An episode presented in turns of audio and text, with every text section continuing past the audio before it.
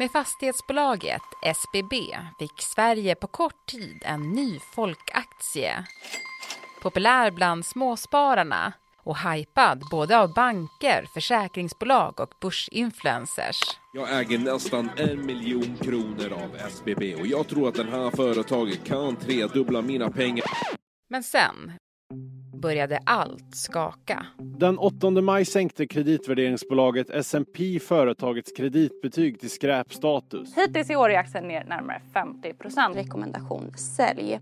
På en kvart får du veta om SBBs kris är första tecknet på en stundande fastighetskrasch. Det är onsdag den 17 maj. Det här är dagens story från Svenska Dagbladet med mig, Alexandra Karlsson och idag med Henning Eklund, techreporter och Johan Hellekant, bostadsreporter på SvD.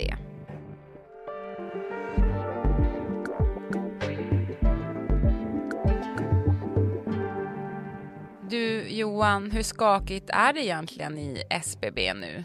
Ja, det är nog väldigt skakigt. De jagar ju pengar och de säljer av för att ha, ha till kassan så det skakar nog även på övre däck. Mm. Vad säger du Henning? Alltså jag fattar det som att de mer eller mindre kämpar för sin överlevnad nu, eller vad säger du Johan? Jo, precis. De, är ju, de har fått sänkt kreditbetyg från Standard Poor's häromveckan. Och i eh, långivarnas ögon, då, i kreditinstitutens ögon, så är de överbelånade. Mm. Men du Johan, skulle det här kunna vara tecken på en, på en större fastighetskris? Ja, absolut. Eh, det, SBB är ju lite grann som kanariefågeln i kolgruvan här. Att, eh, kom, kommer SBB klara sig eller är det så att uh, många ska oroa sig över det här skuldberget som verkar torna upp sig i branschen? Mm. Det kan ju finnas lite varstans ekvationer som inte längre håller. Och då har vi den här kanariefågeln som klassiskt användes i brittiska kolgruvor eh, för att se att, att inte luften var farlig, att det inte kom kolmonoxid som var livsfarligt då. Och ja, klarar sig SBB så är det nog många fler stora jättar som kan se lite ljusare på tillvaron, men det mullrar där ute. Det är många bolag som har problem. Mm. Och vi ska bara djupare i, i det, eh, men först fokusera på just SBB eh, och börja i det grundläggande, vad är det för bolag? Ja, det är ju ett eh, noterat börsbolag och det ligger på storbolagslistan. Så det är ju väldigt känt och de har en affärsidé som har varit att köpa offentliga lokaler och, och ratta dem bättre än vad kommunerna har, har kunnat göra, menar de. Mm. Samhällsfastigheter kallas det på branschspråk och det är just de här äldreboendena, omsorgsboenden, det är, det, är skolor, det är fängelser, det är polisstationer. Det är liksom hela samhällets stora lokalbehov helt enkelt och, och det anses ju då vara väldigt bra hyresgäster för det är ju eh, vi skattebetalare som, som hyr på något sätt och, och vi behöver ju de här lokalerna, det är viktiga samhällsfunktioner. Mm. Och, så det är långa kontrakt och det är säkra hyresintäkter.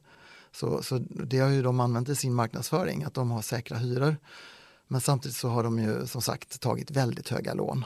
Mm. Och SBB står ju också för Samhällsbolaget. Samhällsbyggnadsbolaget i Norden. Mm. Och sen hyr man ut dem till kommunerna igen. Ja, så, man så... köper egentligen kommunala fastigheter och hyr tillbaka dem. Ja, men, eh, men det är ju en tesdriven affärsidé som låter mycket vackrare än så. Att, att man ska frigöra kapital till kommunerna så att de kan göra klokare investeringar. Och samtidigt skulle aktieägarna tjäna på det och kommunerna skulle också tjäna på det, alla skulle tjäna på det. Mm. Man kan ju säga att det har varit ett ganska kontroversiellt bolag också, dels kritiker ur ett ekonomiskt perspektiv som tycker att aktien är övervärderad och att SBB redovisar dåligt och det har varit många som har blankat den här aktien. Också lite kritiker ur ett ideologiskt perspektiv att man tycker att ja, men det här liksom eh, kapitalistiska bolaget liksom skinnar kommunerna på, på pengar och kommunerna är dåliga affärer och, och sådär. Men samtidigt har SBB väldigt många fans också och många mm. anhängare som verkligen gillar den här idén och tycker att bolaget eh, sköts bra. Liksom. SBBs vd Ilja Batiljan, alltså han har ju en bakgrund som socialdemokratisk politiker och det är väl där lite den där kritiken har kommit in då, som du var inne på. Men hur skulle du beskriva honom, Johan? Uh, han, han, är ju en spännande person. Han, han kom ju till Sverige som flykting från, uh, från ex-Jugoslavien då och, och så tog han sig in i politiken. Och via den så kom han in i fastighetsbranschen via statligt ägda Rikshem då. Men Ja, det är väldigt lätt att gilla Ilja Batljan. Jag måste säga att det är, det är en entusiasmerande person för när man möter honom som journalist. Och jag tycker verkligen att han sticker ut där i den här, ibland kanske lite grå och tråkiga näringslivsvärlden där vi rör oss, att många vd är lite så här, ja men försiktiga och vågar inte liksom bjuda på sig själva riktigt, men Ilja Batljan sticker ju verkligen ut hakan och är karismatisk och känns som man liksom gillar att synas och höras. Och ett sånt där citat som jag minns är det här att vi ska höja utdelningen i hundra år framöver. Det är ju det är väldigt få vd som skulle liksom våga, våga lova någonting sånt. Och det har han ju, verkar inte som att han kommer kunna hålla det heller. Så. Så om ni sätter er ner. Mitt besked är att när partiet går till extra kongress i mars så ska det också vara för att välja en ny partiordförande. När Mona Sahlin 2011 avgår som Socialdemokraternas partiledare så pekas Ilja Batiljan ut som en möjlig efterträdare. Men kommun och regionpolitiken från Nynäshamn, han har andra planer. Den 3 maj lämnar han stolen som oppositionslandstingsråd i Stockholms läns landsting. Jag ser fram emot att jobba några år i näringslivet och, och sen får vi se vad det leder. Fastighetsbolaget Rikshem kallar sin nya vice vd en Zlatan-värvning. Men fyra år senare låter det så här. Byggbolaget Rikshem har beslutat att sparka sin vice vd Ilja Batljan. Skälet är att Battlian ägnat sig åt fastighetsaffärer i sitt eget bolag utan att informera styrelsen. 2015 får han sparken och startar kort därefter Samhällsbyggnadsbolaget vars affärsidé är att köpa offentliga fastigheter som sen hyrs ut till kommuner, regionen eller staten. Och till en början ser det lovande ut. Fondbolag, försäkringsbolag och banker investerar stora summor och småspararna flockas kring SBBs aktie. Ilja, SBB, årets eh, fastighetsbolag. Eh, inte så konstigt kanske med tanke på den resan jag gjort ifrån starten. Egentligen. Och enligt Ilja Batiljan hade fastighetsföretagets resa bara börjat. Vi är glada att ni är våra aktieägare och vi ser till att komma tillbaka och höja utdelningen åtminstone under de närmaste hundra åren. Tack så mycket!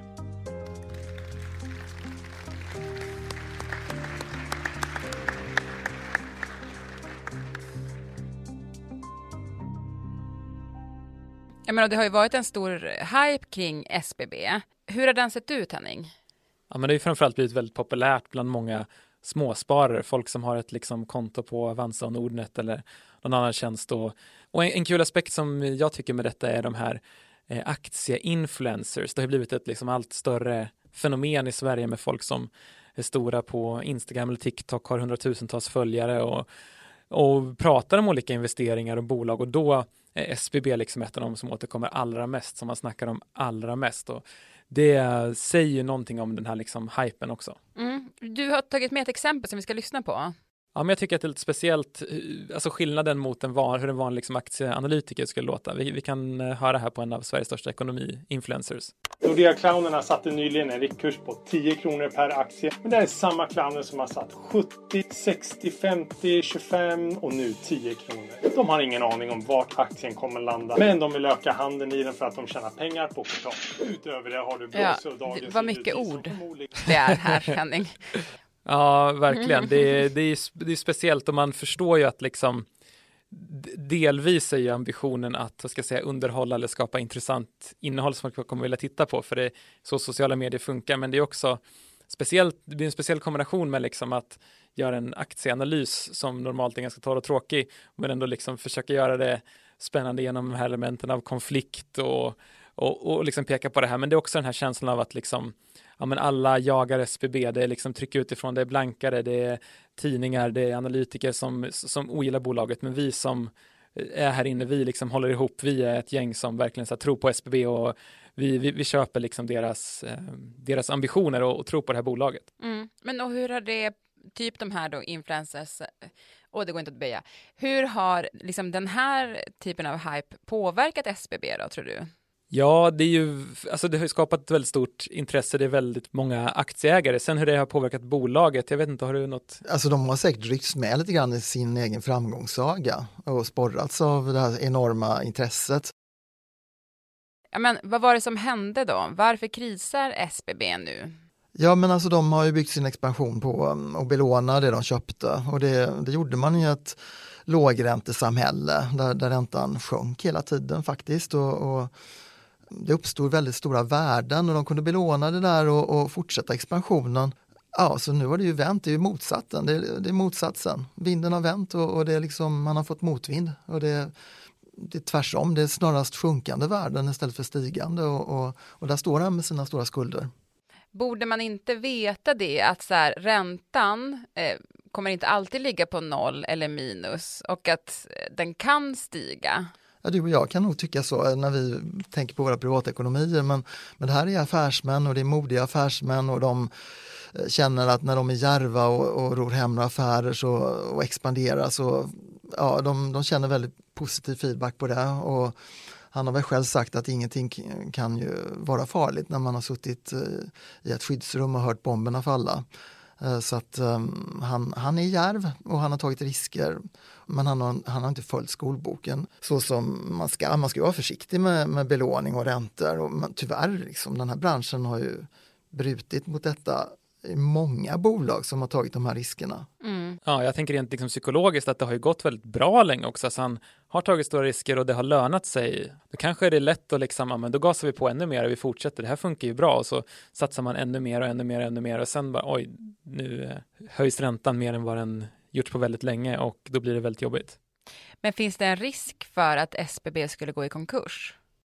Alltså när man pratar med bankmän så, så tonar de nog ner den risken för att det är så stora bolag det här så att det är snarare rekonstruktioner på olika sätt ehm, där man går in och, och styr upp avtal med, från långivarna.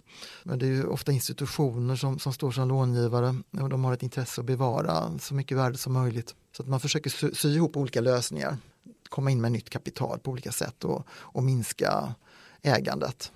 Så att vi ser ju sådana här strukturaffärer lite grann i det dolda. Att det sker liksom strax efter börsens stängning så, så händer det saker att, att stora portföljer byter ägare och det är våra institutioner som är med där och drar i trådarna. Mm. Vad säger det då? Ja, det är väl att, eh, att stora aktörer i Sverige är oroliga för vad som händer faktiskt. Mm. Ja, men eh, den här krisen i SBB, alltså kan den säga någonting större om en eventuellt större kris i liksom fastighetsbranschen eller i, inom bankerna eller liksom hur oroliga ska vi vara för den här krisen?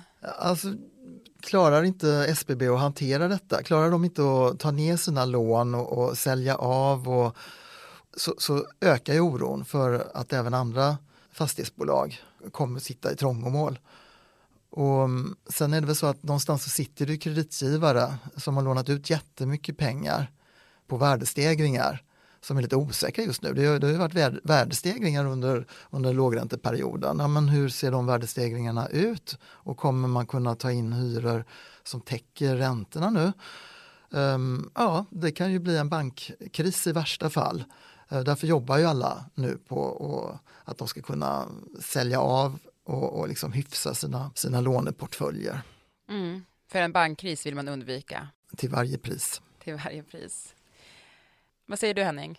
Ja, men det handlar ju i slutändan också mycket om psykologi, alltså om bankerna och långivarna tror att SBB kommer kunna betala tillbaka på skulderna trots att räntan har skjutit i höjden, då kommer de att klara sig. Men om, det, om misstron ökar, som det här sänkta kreditbetyget till exempel, då kommer ju finansieringskostnaderna bli ännu högre och då blir det ju, kan det bli riktigt jobbigt för SBB. Mm. Så det finns att, att göra för Ilja Batljan. Jag tror han jobbar ganska hårt redan, men eh, det, det behövs om han, ska, om han ska rädda det här. Vi får fortsätta följa det här. Tack så jättemycket Henning och Johan. Ja, tack själva. Tack, tack.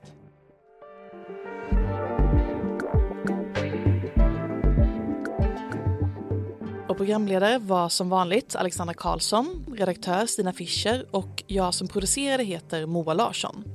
Och jag tänkte passa på att berätta att eh, vi på Dagens Story söker kontakt med er lyssnare. Vi vill veta vad ni tänker och tycker om podden och därför tänkte vi genomföra intervjuer.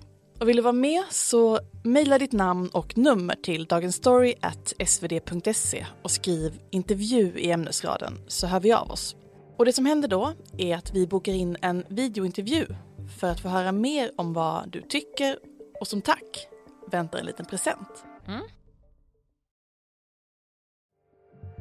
Klippen i programmet kommer från SVT, SR, Dagens Industri, sajten Placera och Samhällsbyggnadsbolaget.